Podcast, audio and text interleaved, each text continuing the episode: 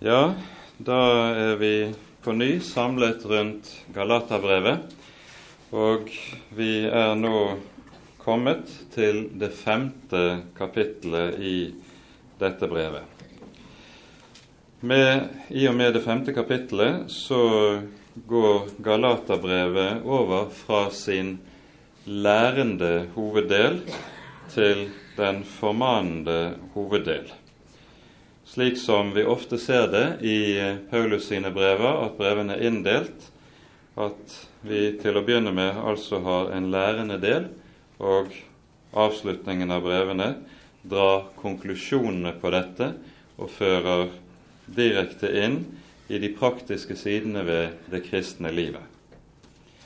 Men uh, før vi går inn i dette, så la oss be sammen igjen. Kjære gode Herre og Hellige Far. Nå takker og lover vi deg for ordet ditt til oss. Takk for at du har åpenbaret ditt hellige evangelium. Takk, Herre, at du har gitt oss din egen sønn, og at du, Herre Jesus, står inne for vår frelse med ditt eget liv og ditt eget blod. Nå ber vi, Herre, at du vil ta deg av oss, slik at vi ikke bygger på noen annen grunnvoll enn det du er og det du har gjort til vår frelse, og at vi, Herre, enten vi lever eller dør, må bli bevart der. Kjære Herre, send din Hellige Ånd og vær hos oss denne kvelden og åpenbar ordet ditt, og la oss få lov til å se lys i ditt lys, så vi kan bli frelst. Det ber vi i Jesu navn, og takker og lover deg, Herre, fordi du er god, og fordi din miskunnhet varer til evig tid. Amen. Da har jeg tenkt å gjøre det slik at vi i kveld leser sammen vers 1 til og med vers 18 her i Galatane 5. Og så får vi se om vi når så langt i kveld. Um, men uh, jeg tror i hvert fall ikke vi når lenger enn det. Så la oss da lese fra vers 1 av. Til frihet har Kristus frigjort oss. Stå derfor fast, og la dere ikke atter legge under trelldoms åk. Se, jeg, Paulus, sier dere, at dersom dere lar dere omskjære, så vil Kristus intet gagne dere. Atter vitner jeg for hvert menneske som lar seg omskjære, at han er skyldig til å holde hele loven. Dere er skilt fra Kristus, dere som vil rettferdiggjøres ved loven. Dere er falt ut av nåden. For ved troen venter vi i Ånden på det som rettferdigheten gir oss håp om. For i Kristus gjelder verken omskjærelse eller forhud noe, men bare tro virksom ved kjærlighet. Dere løp godt. Hvem hindret dere fra å lyde sannheten? Denne overtalelse kommer ikke fra ham som kalte dere. En liten surdeig syrer hele deigen. Jeg har den tillit til dere i Herren at dere ikke vil mene noe annet, men den som forvirrer dere, skal bære sin dom, hvem han så er. Men jeg, brødre, hvis jeg ennå forkynner omskjærelse, hvorfor forfølges jeg da ennå? Da er jo korsets anstøt gjort til intet. Gi de endog må skjære seg selv i sønder, de som oppvigler dere. For dere ble kalt til frihet, brødre. bruk bare ikke friheten til en leilighet for kjødet, men tjen hverandre i kjærlighet. For hele loven er oppfylt i ett bud, i dette du skal elske din neste som deg selv. Men dersom dere biter og eter hverandre, da se til at dere ikke blir fortært av hverandre. Men jeg sier, vandre i Ånden, så skal dere ikke fullbyrde kjødets begjæring. For kjødet begjærer imot Ånden, og Ånden imot kjødet. De står hverandre imot, så dere ikke skal gjøre det dere vil. Men dersom dere drives av Ånden, da er dere ikke under loven. Amen. Det avsnittet vi har lest sammen her, det kan grovt inndeles i to underavsnitt, eller to underdeler. Det ene er avsnittet fra vers 1 til og med vers 12, der Paulus kommer med meget sterk formaning til å ta vare på den frihet som vi har fått i evangeliet. Og så, fra vers 13 og utover, kommer han med en advarsel mot å misbruke friheten, slik at friheten skulle bli til en anledning for kjødet eller for det gamle mennesket. Og La oss nå se litt på disse to hovedavsnittene.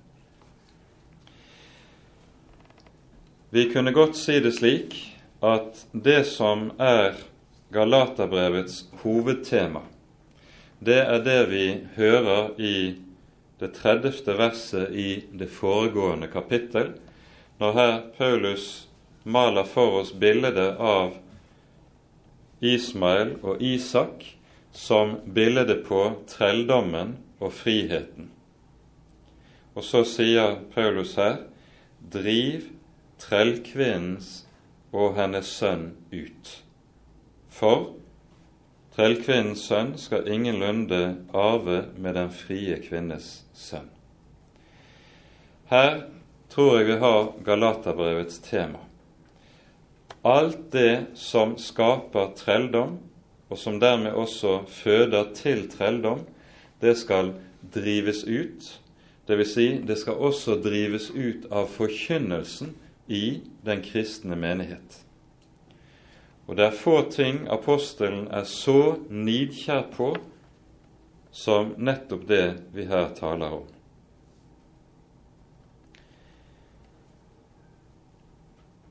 Vi pekte også på sist gang at den kristne frihet som apostelen her forkynner, den innebærer tre ting. For det første er det frihet fra lovens dom, dvs. Si forbannelsen som loven truer hver den med som bryter loven. Det er frihet dermed også fra den dom som hører med til døden og til fortapelsen. For det andre er evangeliets frihet en frihet fra lovens anklage.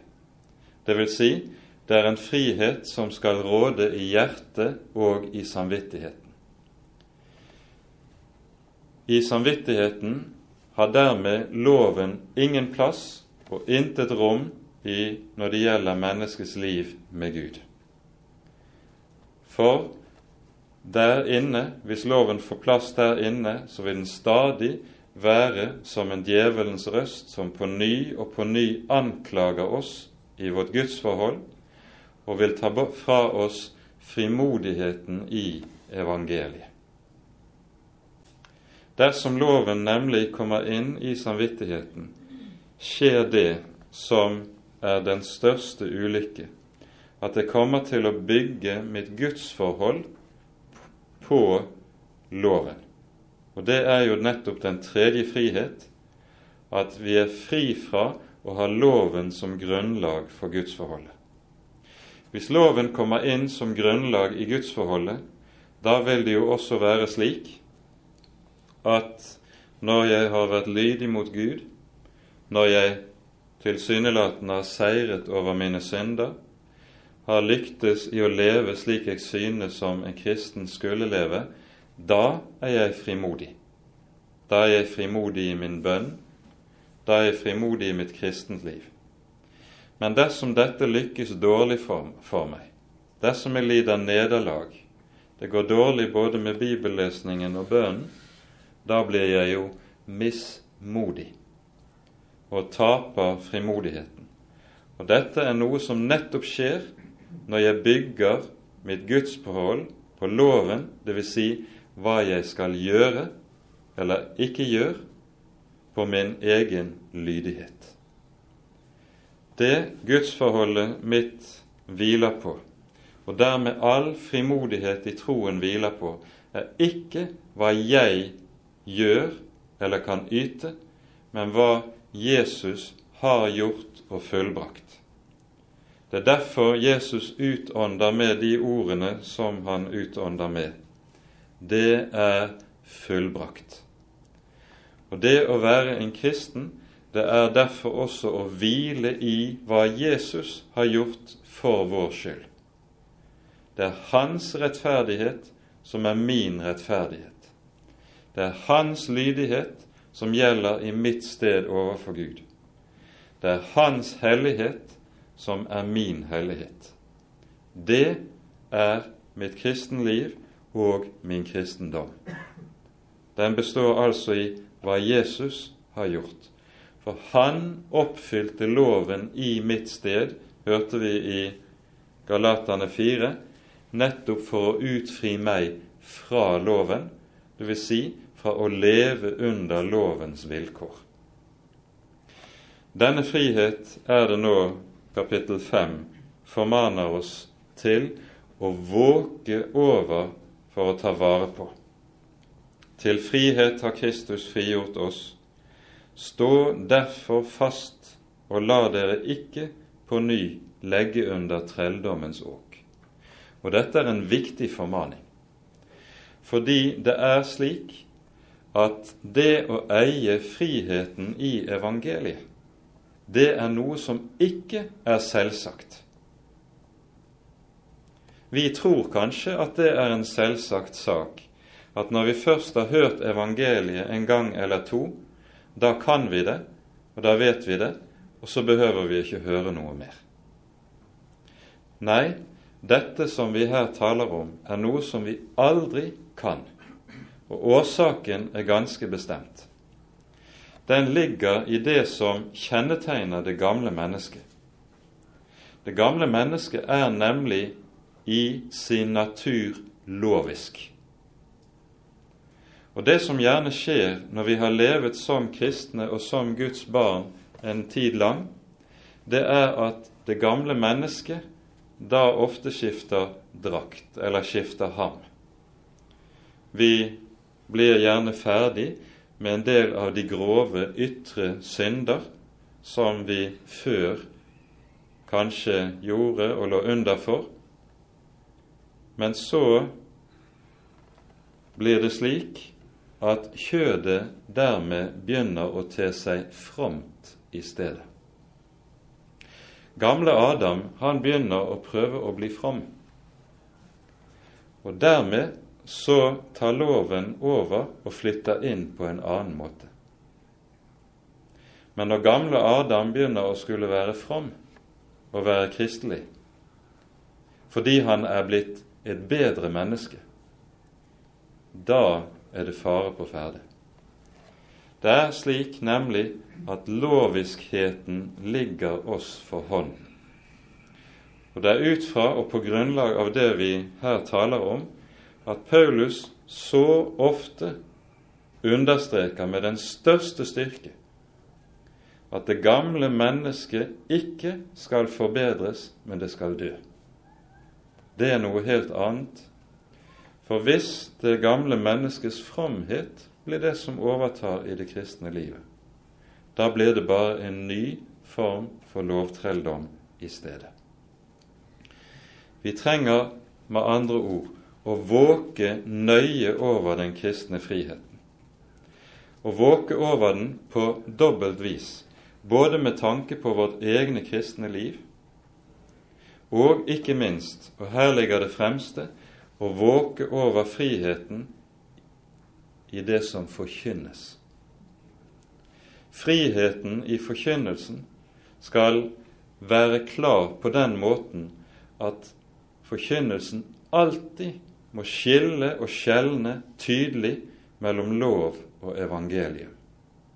Der det ikke skjer, fører det umiddelbart til at gamle Adam får blåst liv i seg, begynner kanskje å bli from, og så tar hykleriet plassen. Dette er noe som er et hovedtema også i Jesu liv og virke. Vi ser det i hans oppgjør med fariseerne. Vi vil her kort minne om det Jesus sier i Matteusevangeliets 16. kapittel. En tekst som ikke ofte pekes på eller minnes om, men som er uhyre viktig i denne sammenheng. Matteus 16 fra vers 6 av. Jesus drar avsides med disiplene, og så hører vi det som her sies. Da sa Jesus til dem, Se dere for å ta dere i vare for fariseernes og saduseernes surdeig. Da tenkte de ved seg selv og sa, Det er fordi vi ikke har tatt med oss brød. Men da Jesus merket det, sa han til dem, Dere lite troende. Hvorfor tenker dere ved dere selv at det er fordi dere ikke har tatt brød med? Skjønner dere ennå ikke, og kommer dere ikke i hu de fem brød til de fem tusen, og hvor mange kurver dere da fikk, eller de syv til de fire tusen, hvor mange kurver dere da fikk? Kan dere da ikke skjønne at det ikke var om brød jeg talte til dere, men tar dere i vare for fariseernes og saduseernes surdeig? Da forsto de at han ikke hadde talt til dem om at de skulle ta seg i vare for surdeigen i brød, men for fariseernes og saduseernes lære. Denne fariseernes og saduseernes lære, den hører vi holder på å trenge inn i den første kristne menighet. Og vi har vært inne på dette når vi så det store oppgjøret som var under apostelmøtet i Jerusalem, og som vi leste om i apostelgjerningene 15. Der det kom inn mennesker som hadde, var fra fariseernes parti. De hadde tatt imot troen på at Jesus var Messias, men de var fortsatt bundet av loven. Og så forlanger de at de kristne skal omskjæres for at det kan bli rett med kristenlivet. Da er det det hedningekristne det taler om. Denne kamp er det nå Paulus viderefører i det vi her hører. Til frihet har Kristus frigjort oss. Stå derfor fast, og la dere ikke på ny legge under trelldommens åk. Det er helt nødvendig at vi som Guds folk er våkne her med tanke på forkynnelsen, våker over hva vi låner øre. For her, nettopp på dette området, er det den største fare. Der loven og evangeliet røres sammen, der fører det til trelldom. Der loven og evangeliet røres sammen, der vil det gamle mennesket gjerne ha den slags forkynnelse. Da tar den religiøse Adam imot. Men det nye mennesket, det lider. Det lider tungt under slik forkynnelse. Og Det som ofte den slags forkynnelse fører til, det er en uendelig slit og en uendelig tretthet. Det fører til strev og møye for Guds barn.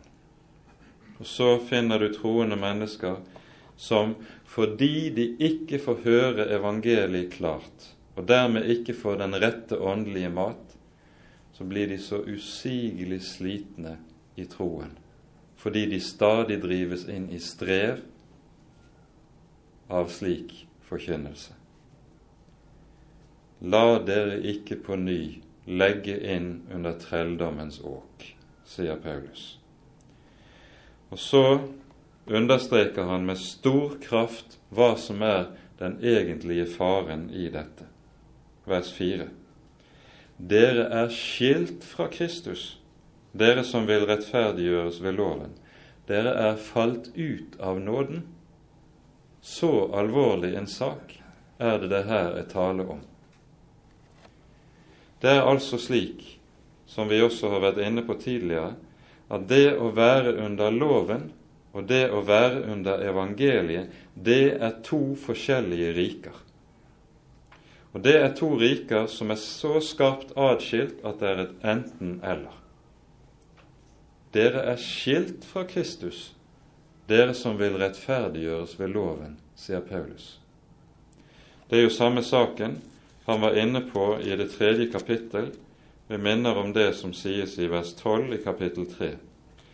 Loven har ikke noe med troen å gjøre. Det er to ulike ting der vi må skille og skjelne rett. Så peker han på det som er fortsettelsen. Og her foregriper i vers 5 og vers 6 foregriper han det som han kommer videre på inn på ifra vers 13 av. For ved troen venter vi i Ånden på det som rettferdigheten gir oss håp om. For i Kristus gjelder verken omskjærelse eller forhud noe, men bare tro virksom i kjærlighet. Det Paulus her understreker, er hva troen peker frem imot. For her griper han tilbake til beretningen om Abrahams to sønner, Ismael og Isak. Hvem av disse to var det som ble innsatt til arving? Slett ikke Ismael, som var født etter kjødet, men nettopp Isak, han som var født etter løftet.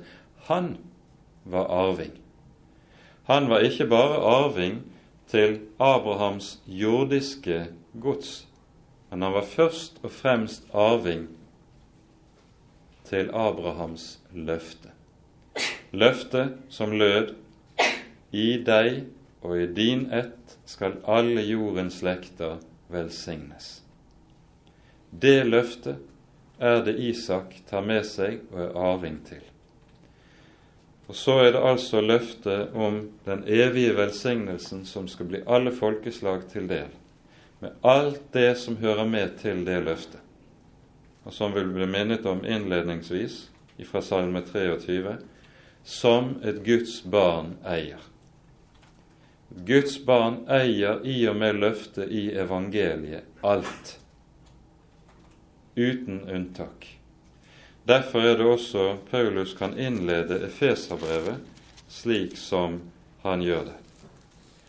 Lovet være Gud over Herre Jesu Kristi Far, Han som har velsignet oss med all åndelig velsignelse i himmelen i Kristus. Legg merke til hvor sterke ord Paulus bruker her.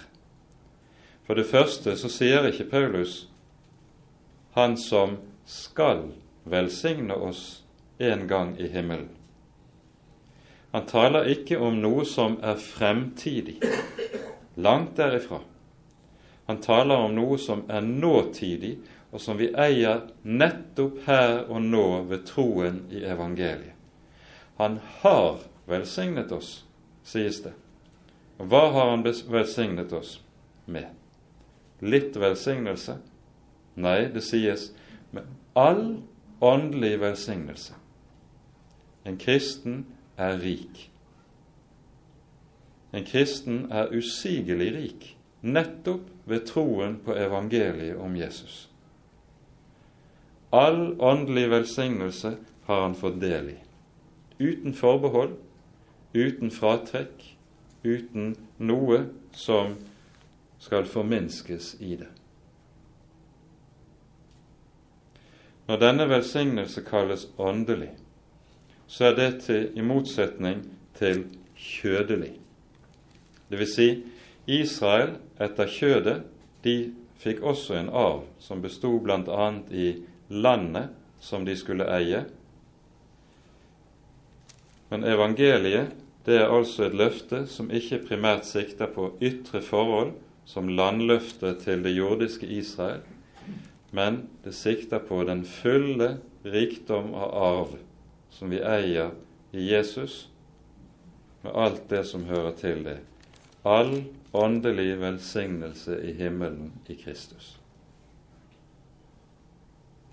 Det som er vårt problem, det er at vi ikke ser hva vi har.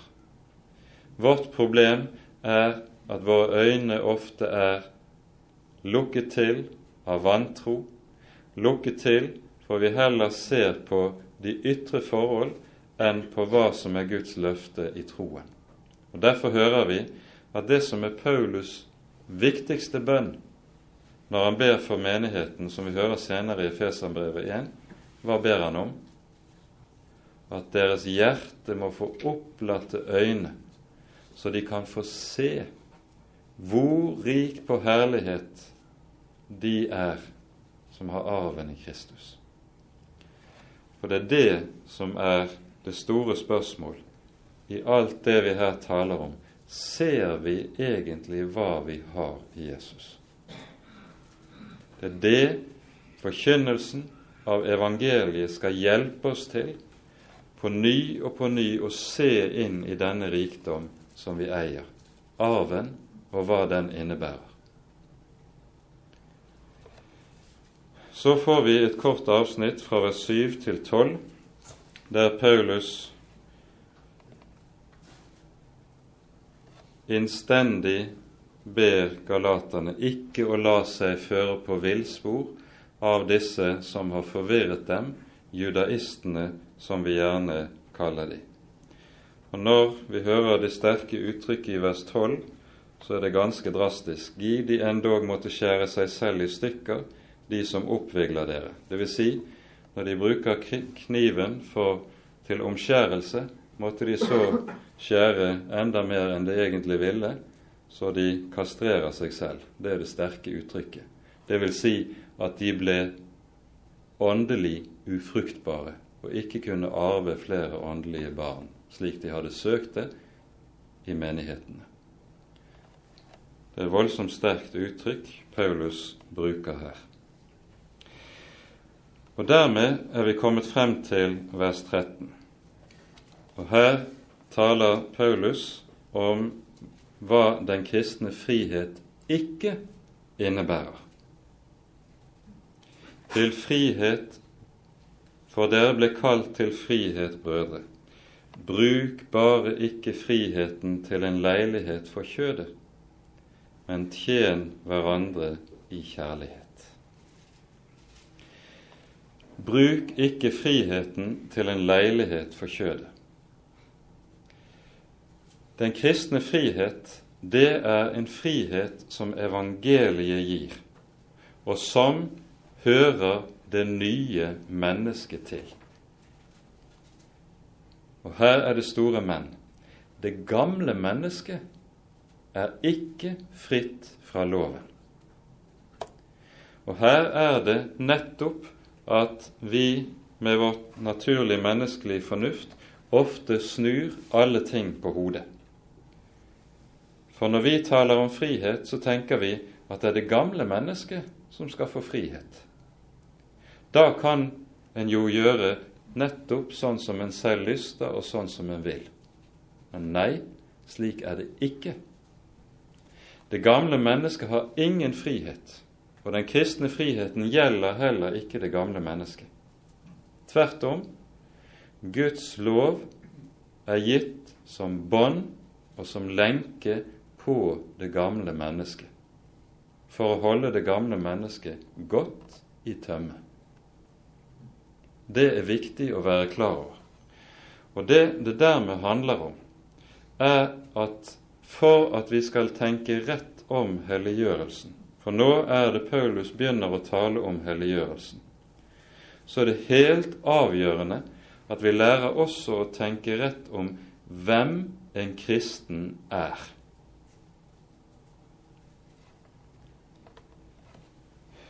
Og Da kan det være nyttig å bruke en illustrasjon for å peke på hva det her dreier seg om. I vers 16 og vers 17 leser vi slik.: Jeg sier, vandre i Ånden, så skal dere ikke fullbyrde kjødets begjæring. For kjødet begjærer imot Ånden, og Ånden imot kjødet. De står hverandre imot, så dere ikke skal gjøre det dere vil. Det Paulus her gjør, det er at han taler om at et Guds barn er to personer på én og samme tid.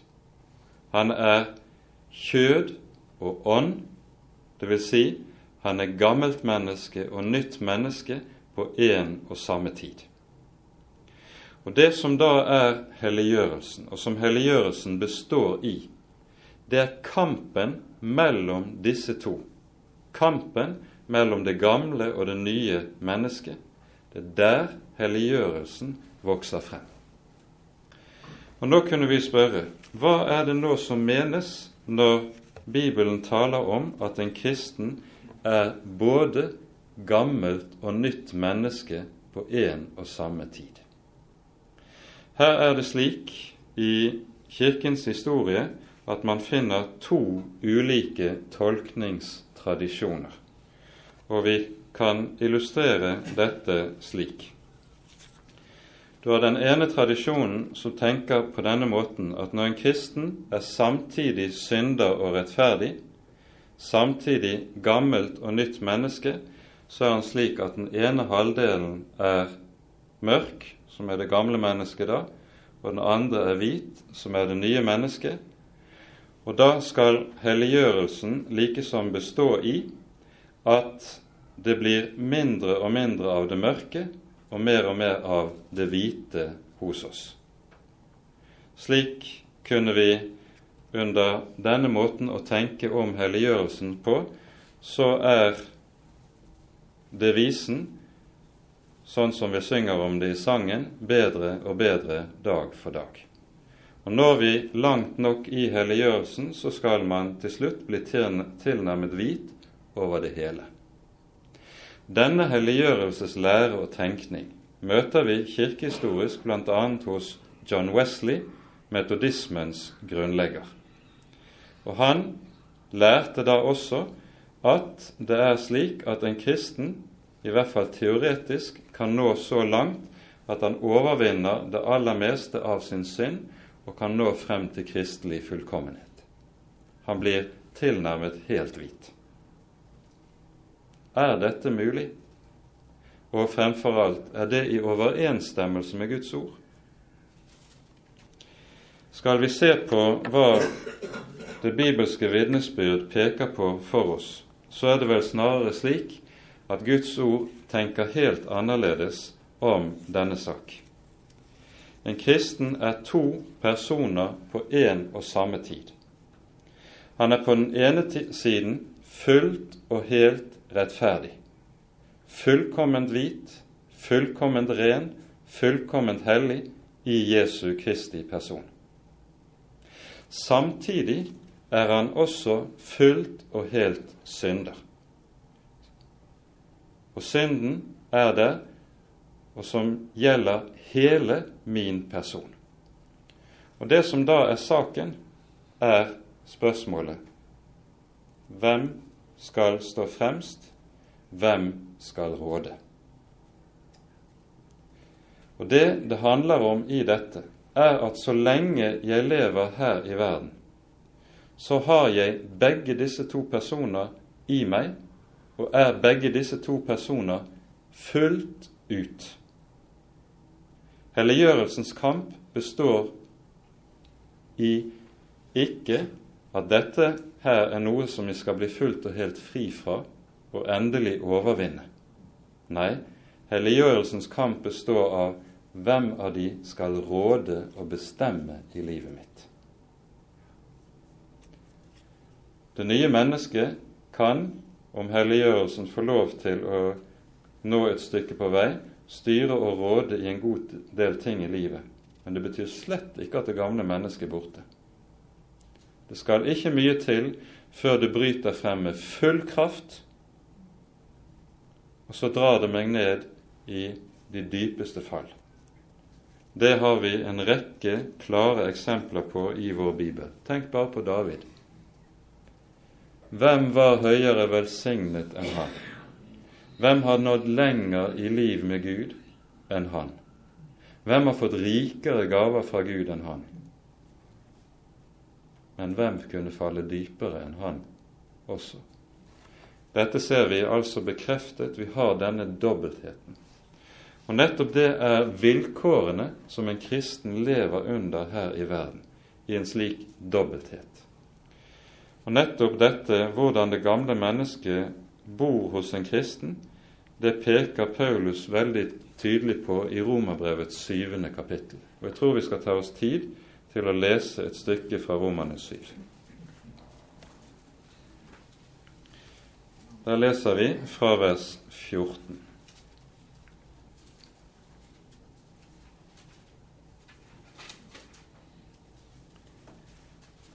For vi vet at loven er åndelig, jeg derimot er kjødelig, solgt under synden.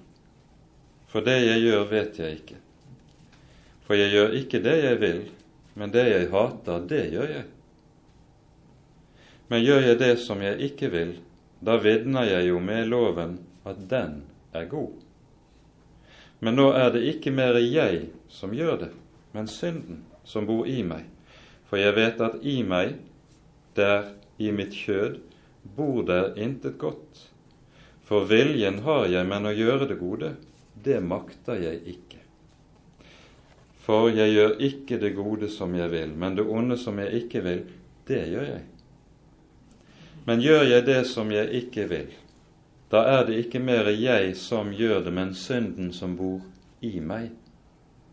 Så finner jeg da den lov for meg, jeg som vil gjøre det gode, at det onde ligger meg for hånden. For jeg har lyst til Guds lov etter mitt innvortes menneske. Men jeg ser en annen lov i mine lemmer som strider mot loven i mitt sinn og tar meg til fange under syndens lov, den som er i mine lemmer. Det er drastiske ord Paulus her bruker om seg selv. Men det viser nettopp hvorledes Paulus er meget klart på det rene med at det gamle mennesket har han fortsatt hos seg, og det er der i sin fulle kraft. Så blir da spørsmålet hvordan kan det gamle mennesket hindres fra å være det som styrer og råder? Hvordan kan det nye mennesket få lov til å leve og være det som har styringen i livet?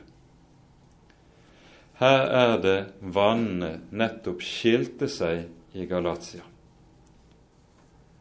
Vi husker ordet fra Rosenius som ble sitert tidligere, der han sier i en bestemt sammenheng Noen går til Kristus for å bli rettferdiggjort, og så til Moses for å bli helliggjort. Mange tenker da at det som er hemmeligheten med at en skal komme på vei i helliggjørelsen, er at man må forkynne loven riktig kraftig. Men det er ikke hemmeligheten. For det som er saken, det er at loven krever helliggjørelse, men den er ikke i stand til å virke det og skape det. Hva er det som kan skape helliggjørelse? Det er bare evangeliet. For det er evangeliet som skaper det nye mennesket. Det er det som virker gjenfødelsen. Og det er bare evangeliet som også kan styrke og gi det nye mennesket vekst, slik at det også får liv. Det er hemmeligheten. Og Derfor er det også Paulus sier sånn som han gjør det i det annet kapittel i Galaterbrevet. Jeg er ved loven død for loven, for å leve for Gud. Altså det å være fri fra loven, det er betingelsen for å kunne leve rett som kristen. Eller for å sitere Romane 7 på ny, litt tidligere i dette kapitlet, er Paulus nemlig inne på nøyaktig samme saken. Her sier han, fra, vi leser fra Romane 7, 4. Derfor, mine brødre, døde også dere fra loven ved Kristi legeme, for at dere skulle høre en annen til, Han som er oppstanden fra de døde, så vi kan bære frukt for Gud. La du merke til det? Døde fra loven for å bære frukt for Gud. Det er altså slik at frukt i helliggjørelsen, det virkes ikke av loven, det virkes av evangeliet. Loven krever hellighet, men den er ikke i stand til å gi det. Og det vi da er fremme ved, det er at Loven har en bestemt oppgave. Den skal for det første holde det gamle mennesket i age. Sørge for at det gamle mennesket ikke løper løpsk. Til frihet har Kristus frigjort oss. Bruk bare ikke friheten som en leilighet for kjødet. Det er ikke kjødelig frihet vi er løst til. Så loven har sin oppgave i forhold til det gamle mennesket. Men overfor det nye mennesket, der er det evangeliet som skal lyde. For evangeliet er maten for det nye mennesket. Evangeliet, budskap om hva vi har i Jesus, rikdommen og fylden i hva frelsen innebærer, det er det som gir det nye mennesket vekst.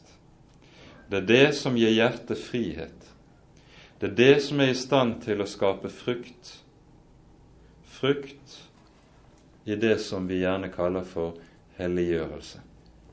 Og Dette er det som ligger bak når Jesus i Johannesevangeliets 15. kapittel taler som han gjør. Så sier han 'Bli i meg, så skal dere bære meg en frukt'. Jesus sier ikke 'bli i loven', men han sier 'bli i meg'.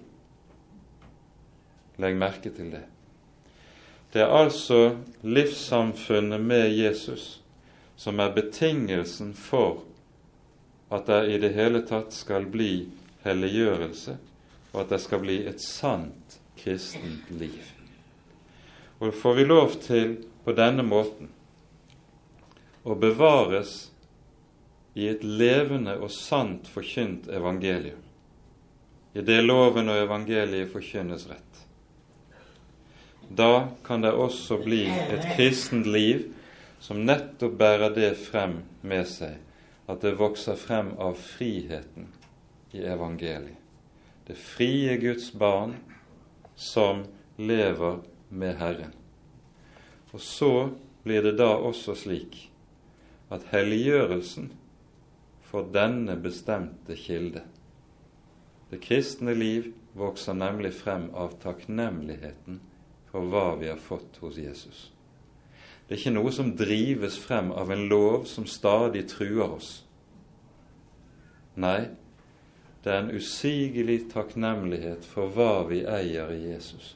Det er det som er kilden til det kristne livet. Og Dette er det da også som pekes på når det i Det gamle testamentet pekes frem imot den nye pakt som skal avløse lovens pakt. Vi henter frem profeten Jeremias 31. kapittel.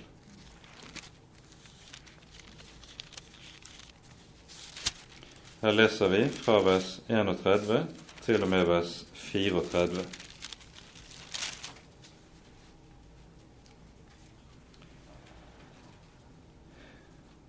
Se, dager kommer, sier Herren, da jeg vil opprette en ny pakt med Israels hus og med Judas hus, ikke som den pakt jeg opprettet med deres fedre på den dag da jeg tok dem ved hånden for å føre dem ut av Egyptens land, den pakt med meg som de brøt, enda jeg var deres ektemann, sier Herren.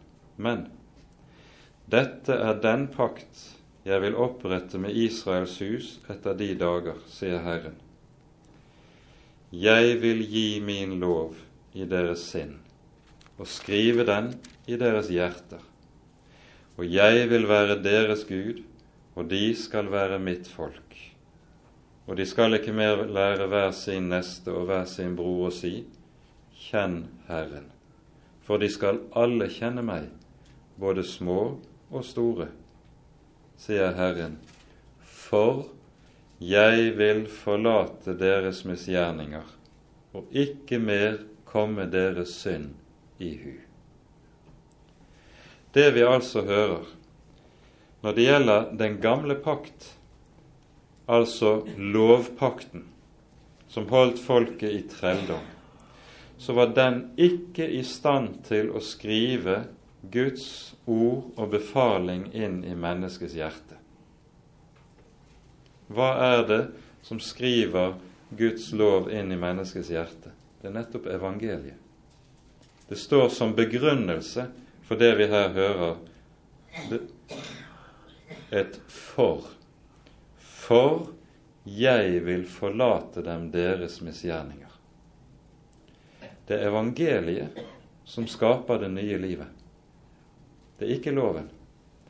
For loven har det med seg at der loven blir sterk, der blir også synden stor. Paulus sier det så kraftig i Korinterbrevets 15. kapittel at han sier syndens kraft er loven. Og Det innebærer også at der loven får makt inn i en kristens hjerte, der får også synden makt. Men der evangeliet får makt i en kristens hjerte, der taper synden sin makt.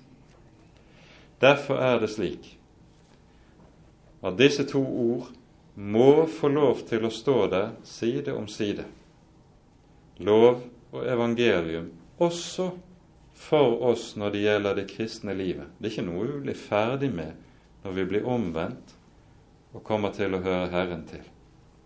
Nei, for loven skal stå der og tale til gamle Adam, og så skal evangeliet stå der og gi liv, kraft og lys til det nye mennesket.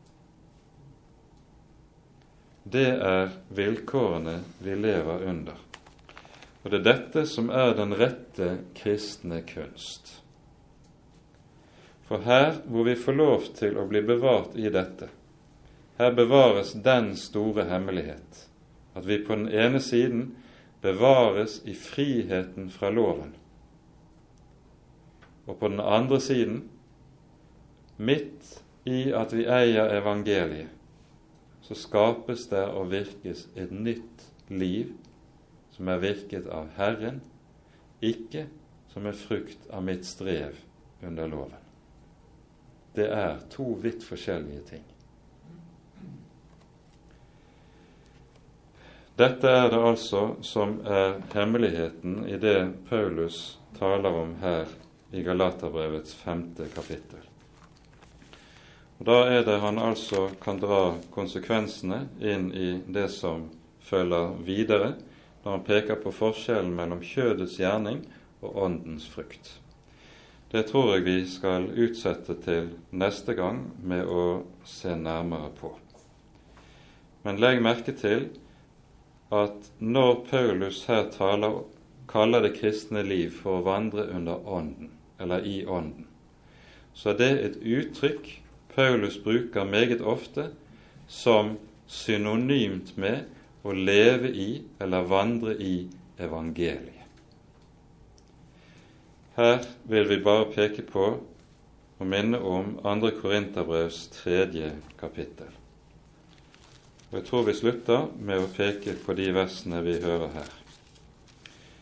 For her i kapittel 3 her har, peker Paulus på nettopp det som tema, hovedtema vi har vært inne på nå, forskjellen på loven og evangeliet. Loven har en dødens tjeneste. Evangeliet en levendegjørende tjeneste. Og Denne dødens tjeneste kalles for bokstavens tjeneste, i motsetning til Åndens tjeneste, som er i evangeliet. Vi leser først andre kor 3, vers 6. Gud gjorde oss dugelige til å være tjenere for en ny pakt, ikke for bokstav, men for ånd. For bokstaven slår i hjel, men ånden gjør levende. Og Så hopper vi ned til vers 17 og vers 18 der det taler om hvorledes Ånden virker, og hva som kjennetegner Ånden i det kristne livet. Men Herren er Ånden, og hvor Herrens ånd er, der er frihet. Legg merke til det. Hvor Herrens ånd er, der er frihet. Og denne frihet har en bestemt følge og frukt, nemlig det som vi hører i vers 18, når han taler om de som får lov til å se inn i evangeliet. Men vi som med utildekket åsyn skuer Herrens herlighet, like som i et speil. Vi blir alle forvandlet til det samme bildet, fra herlighet til herlighet, som av Herrens ånd. Evangeliet har denne forvandlende makt i seg inn i et menneskes liv. Derfor er det også profeten Jeremia talte sånn som han gjorde det. Jeg vil skrive min lov i deres sinn, i deres hjerte, for jeg vil slette ut deres synder og deres misgjerninger vil jeg ikke mer komme i hu. Og da skjønner vi at sannelig har Rosenius truffet spikeren på hodet når han taler om at det er ikke Moses som gir helliggjørelse. Det er evangeliet, det er Kristus, som også er hemmeligheten når det gjelder det kristne livet. Ære være Faderen og Sønnen og Den hellige ånd som var og er og være skal en sann Gud, høylovet i evighet. Amen.